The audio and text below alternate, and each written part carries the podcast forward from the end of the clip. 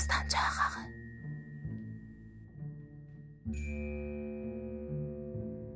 Sizin nəcabətiniz haqqında ailəmdə də danışmışam. Qadınım, qızlarım da sizinlə görüşməyə can atırlar. Xüsusən Almaniyadan yeni gətirdiyim pianonu gözdən keçirmək üçün sizin bizə gəlməyinizi rica ediblər. Əgər mümkün olarsa, bir yarım saat zəhmət çəkəydiniz. Bunun cavabında nə deyə bilərdim? Onun bütün fikrini əvvəldən də bilirdim. Başqası da bilməsə, özüm onun saxtakar bir adam olduğunu bilirdim. Ona belə cavab verdim. Mirzə Fətullah xan hər söz deyə bilər. Onun ağzını yummaq olmaz. Bəlkə bəzi kişilər bununla da təskin tapırmışlar. Sizin pianonu gözdən keçirməyə gəldikdə heç də sözüm yoxdur. Nə vaxt lazım olursa gələ bilərəm. O dedi: "İndi zəhmət çəksəydiniz daha yaxşı olardı." Dedim: "Nə eybi vardır? İndi də gedə bilərik." Dastancaq ağı. Onun evi çox zəngindir. Özünün deməsinə görə Şərqin bütün antiqə və qiymətli şeyləri onun əlində imiş. Hər şeyi gözdən keçirdik. Doğrudan da qiymətli şeyləri çox idi. Qadını və uşaqları ilə tanış etdi. Balaları özündən tərbiyəli görünürdü. Qadını rusca az-çox danışa bilib fikrini anladırdı. O məni qonaq çağırıb daimi tanış olmağımızı xahiş edirdi. Mirzə Əli Əkbər xanla tanışlığımız belə başladı. O yenə də hər dəfə görüşəndə öz nəcabətindən və konsulun yanında olan nüfuzundan danışıb mənə çox inanırdı. Konsul xanaya yolum düşdükdə otağına da girməyə ixtiyarım var idi. Yanında olan gizli kağızları da görürdüm. Bir çox şeyləri götürüb oxumağıma da mane olmayırdı. Çünki o mənim siyasətdən çox uzaq olduğumu düşünürdü. Çox pakizə.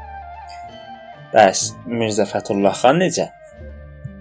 O mənim Mirzə Əli Əkbər xanla olan tanışlığımı, evlərinə getdiyimi də eşitdi.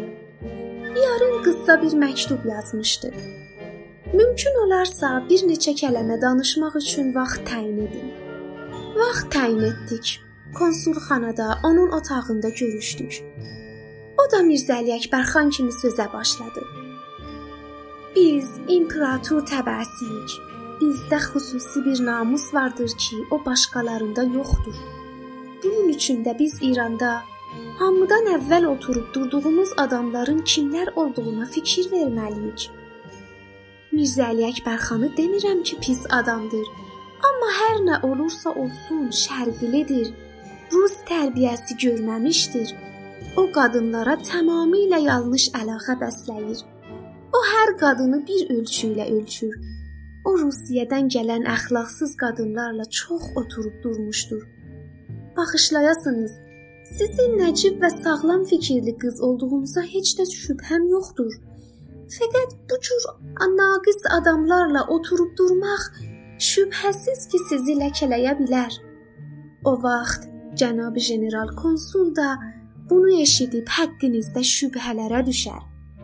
Hərgah sizə bir şey lazımsə, biz burada ölməmişik. Hərgah siz əylənmək istəyirsinizsə, öz evimiz, öz ailəmiz, öz cəmiyyətimiz də vardır. Bizim qapımız sizin üzünüzə açıqdır. Siz gərək mənim yaşayışımdan dərs alasınız. Burada gül kimi ad saxlamışam. Konsulun yanında bir sözüm iki ola bilməz.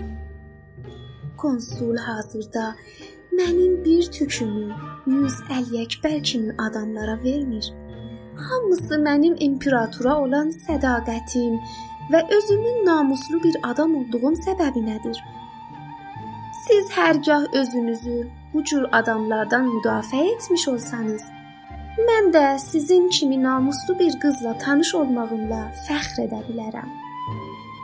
Çoxdan bəri sizə öz saf sevgimi izhar etmək istəyirdim.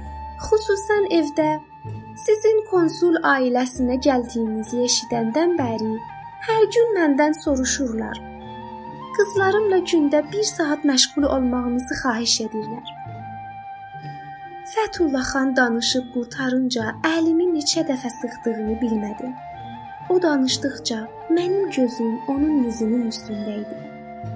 Mizin üstü mənim üçün olduqca əlverişli idi. Bütün rusca sənədlər orada idi. Buna görə Fətullah xanı ümidsiz buraxmaq yaramazdı. Fikirləşərəm, sizin ali cənablığınız haqqında konsul ailəsində çox qiymətli və tarixi sözlər eşitmişəm, dedim. Fətullah xan ayağa durub yenə oturdu. Uca yaxalığını düzəltdi. İndi ki, bu sizə məlumdur, daha mən heç bir söz danışmamalıyam, çünki insan heç vaxt özünü tərif etməməlidir, dedi. Eybi yoxdur. Ayın 1-dən etibarən dərsə başlarıq. Haqqımda olan xeyirxahlığınızdan məmnunam.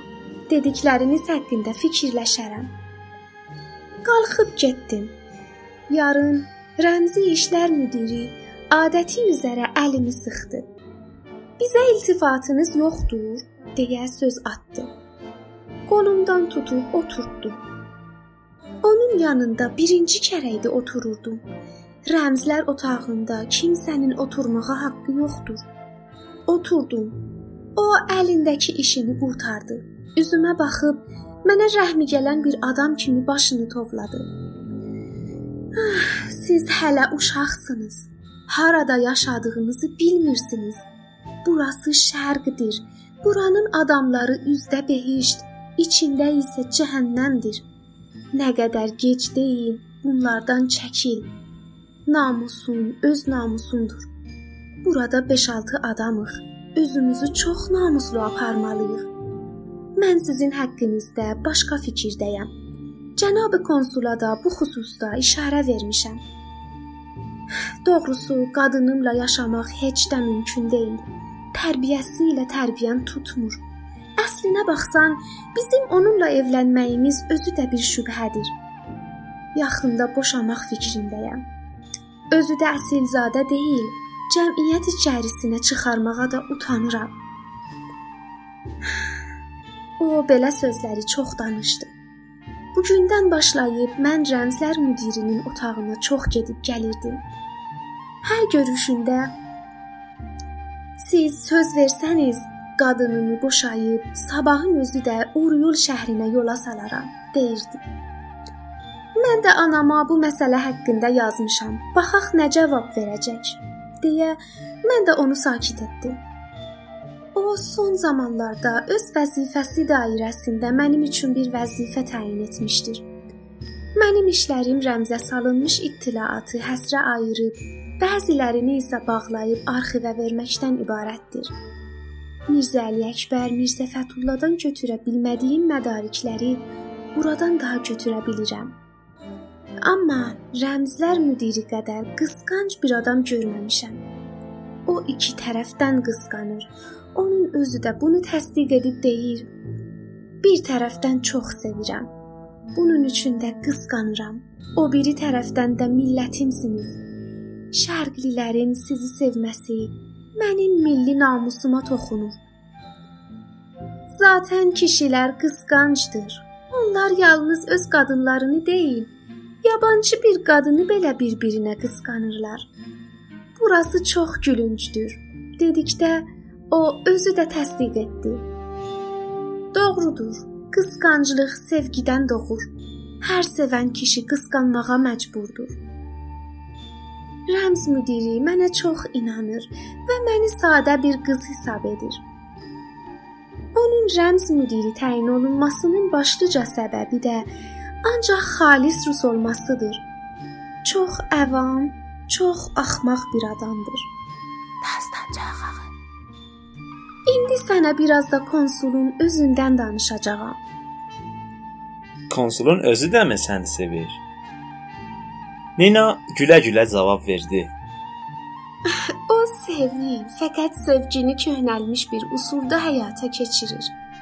O məni böyük qızını deyə səsləyir və saçımdan öpür. O mənim saçıma əl çəkdikdə nə vəziyyət aldığını hiss edirəm. Zaten burası kişilərdə tez-tez təsadüf ediləcək bir xüsusiyyətdir. Onlar qadına yanaşdıqda əvvəlcə bacısı, qızı və sair yaxınları kimi sevər. Sonda öz həqiqi məqsədini söylər. Nina, sən kişiləri çox dərindən öyrənməyə çalışırsan. Bu işə çoxdanmı başladın? Araz çayını bu tərəfə keçəndən bəri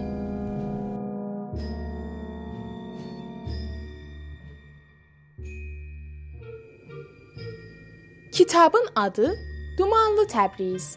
Yazar Məhəmməd Səid Ordubadı. Hazırlayan Nurullah Purşərif.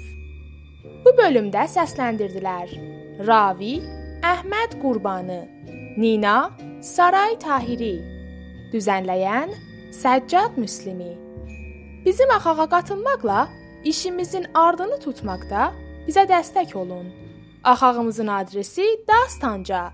D A S T A N C A